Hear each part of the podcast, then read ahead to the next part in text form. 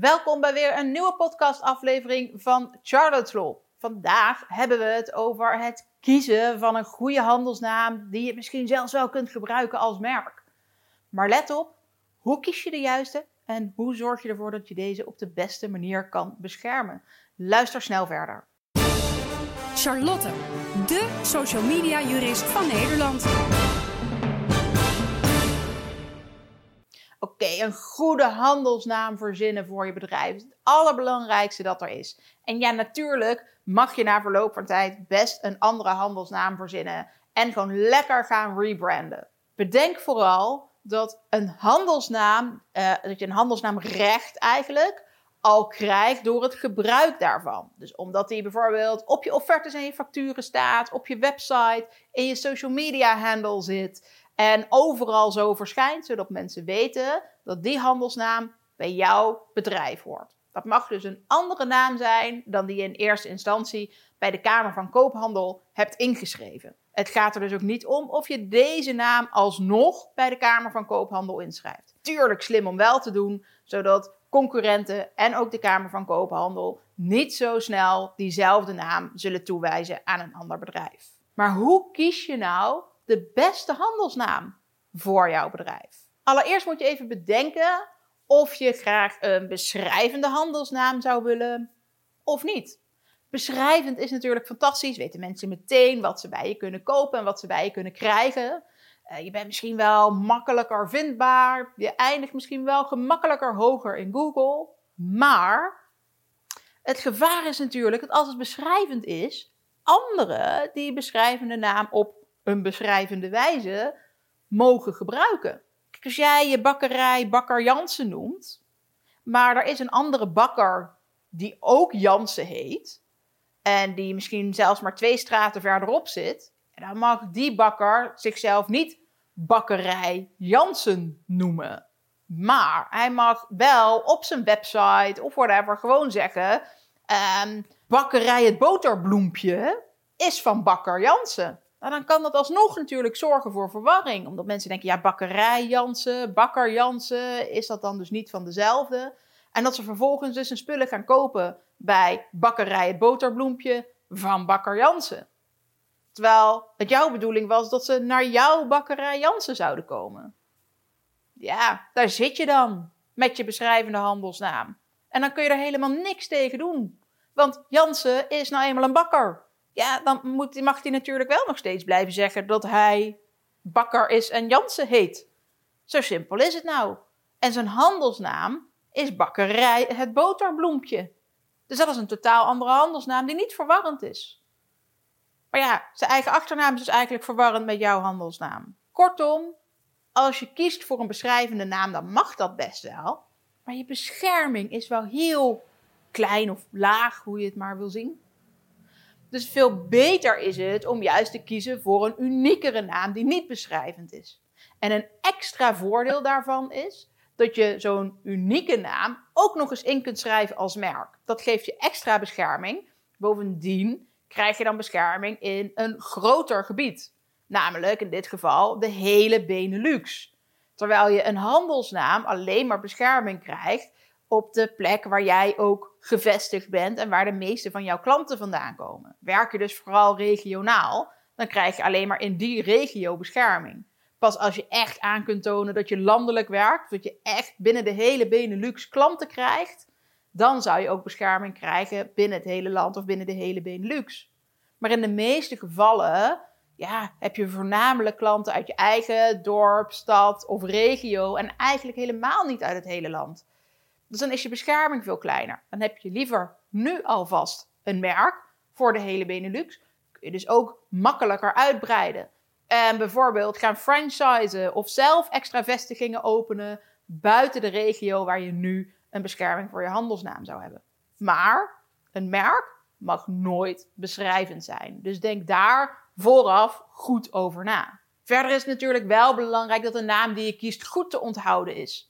Dus zorg dan ook weer niet dat hij zo uniek wordt en zo exotisch wordt dat mensen eigenlijk niet meer weten hoe ze hem moeten spellen. Of dat ze hem gewoon niet meer goed kunnen onthouden en alleen nog maar een paar letters ervan weten. Of zorg er anders in elk geval voor dat je zorgt voor een goede reclameuiting, zodat mensen beter weten hoe het bijvoorbeeld gespeld moet worden. Nou, denk misschien aan dat uh, t-shirtmerk voor mannen. Doen ze in verschillende lengtes, verschillende maten en dat heet giraf. Wat zij de hele tijd doen en blijven herhalen in hun spotjes is: het is giraf met een V. Dus niet giraf met dubbel F en een E daarachter. Nou, dan is misschien je naam eigenlijk niet per se ideaal. Want onthouden mensen dit wel goed, maar door die inspanningen die ze daarbij leveren in hun marketinguitingen en hun reclameuitingen, zorg je alsnog dat je het kunt onthouden. Dus als je al kiest voor een wat lastigere naam, waarvan de spelling lastiger is, zorg dan dat je daar nog in je marketing en reclameuitingen iets aan toevoegt, zodat mensen het alsnog onthouden. Overigens kan dat er natuurlijk ook wel voor zorgen dat een naam die in eerste instantie misschien niet zo heel uniek was, maar bij je maar een kleine wijziging aan toegevoegd hebt, bij die nog steeds beschrijvend is, dat omdat je deze marketinginspanningen levert, die alsnog een merk zou kunnen vormen. Oké, daar zou ik een hele aparte video nog over kunnen maken. Maar bedenk dus in elk geval, zorg dat een merk, zorg dat je handelsnaam, de naam voor jouw bedrijf, voldoende gemakkelijk voor mensen te onthouden is. Het liefst dus dat die naam zelf al zo in elkaar zit. En anders zorg je ervoor dat je marketing- en reclame-inspanningen daaraan bijdragen. Als je dan eenmaal die naam bedacht hebt, moet je natuurlijk wel even kijken of die nog vrij is. Zijn er niet al anderen die diezelfde naam gebruiken? Nou, nou kan het natuurlijk zijn dat die naam al door anderen gebruikt wordt in een hele andere branche.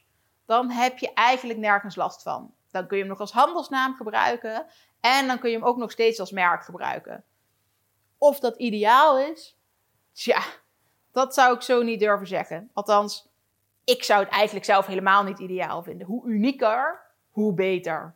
Want dan zorg je er echt voor dat mensen specifiek weten dat ze naar jou moeten bij deze naam. Word je makkelijker herkend. Het is gewoon makkelijker om die naam in de markt te zetten. Bovendien, als een ander naam al zou gebruiken, dan is misschien je ideale domeinnaam ook al weg. En zijn misschien ook de social handles al weg. Controleer dus ook vooral of de domeinnamen die je bij deze handelsnaam wil gebruiken. En of de social handles die je daarbij wil gebruiken, of die ook nog vrij zijn. En of die dus niet al door een ander worden gebruikt. Of dat een ander niet al iets gebruikt wat er te veel op lijkt. Waardoor er alsnog verwarring kan ontstaan dat iemand per ongeluk de verkeerde social handle intikt. Wanneer die je wil taggen bijvoorbeeld. Verder zou ik er ook zeker voor kiezen om die domeinnamen en die social handles alvast te claimen. Voordat je daadwerkelijk aan de gang gaat met de promotie van je nieuwe handelsnaam. Simpelweg omdat als anderen zien dat jij die nieuwe handelsnaam gaat gebruiken, je niet wil dat zij het voor je wegkapen. En ja, soms kan het dus verstandig zijn om meerdere varianten alvast te claimen. Dus meerdere varianten op de domeinnaam en meerdere varianten op de social handles. We hebben daar namelijk geen apart recht voor. Het is in principe het eerst komt die het eerst maalt. Dus als jij de eerste wil zijn en het echt goed wil claimen, claim ze allemaal. Laat gewoon die andere domeinnamen, die andere social media handles doorverwijzen naar die centrale plek waarvan je wil dat iedereen daar naartoe gaat. Dat ze naar die domeinnaam gaan en dat ze naar die social media handle gaan. Heb je uiteindelijk een merk ingeschreven? Nou, dan kun je soms nog wel wat doen tegen andere uh, personen die een social media handle of een domeinnaam gebruiken, waar dan in feite jouw merk in verwerkt zit. Dat hangt er wel vanaf hoe ze dat doen. Want omdat zij nou eenmaal de eerste waren, ja, kun je dat niet zomaar tegenhouden. Maar als dat zorgt voor een merkinbreuk, dan kan dat wel. Wil je nou samen brainstormen over een nieuwe geschikte handelsnaam? Boek dan vooral even een afspraak via www.oploskoffie.nu. Dan kijk ik ook meteen met je mee wat er via het merkenrecht allemaal mogelijk is. En wat daar ook nog voor vrij is voor jouw nieuwe handelsnaam, zodat we die op de best mogelijke manier kunnen beschermen. Je kunt je afspraak dus boeken via www.oploskoffie.nu. Dan hebben we een gesprek via telefoon, videobellen of bij mij op kantoor. Dankjewel voor het luisteren naar deze podcast. Vond je dit nou een fantastische podcast en wil je vooral niks meer missen? Abonneer je dan op deze podcast via je favoriete podcast app en stuur deze aflevering door naar iedereen die ook nog bezig is met het verzinnen van een nieuwe handelsnaam. Heel graag tot volgende week.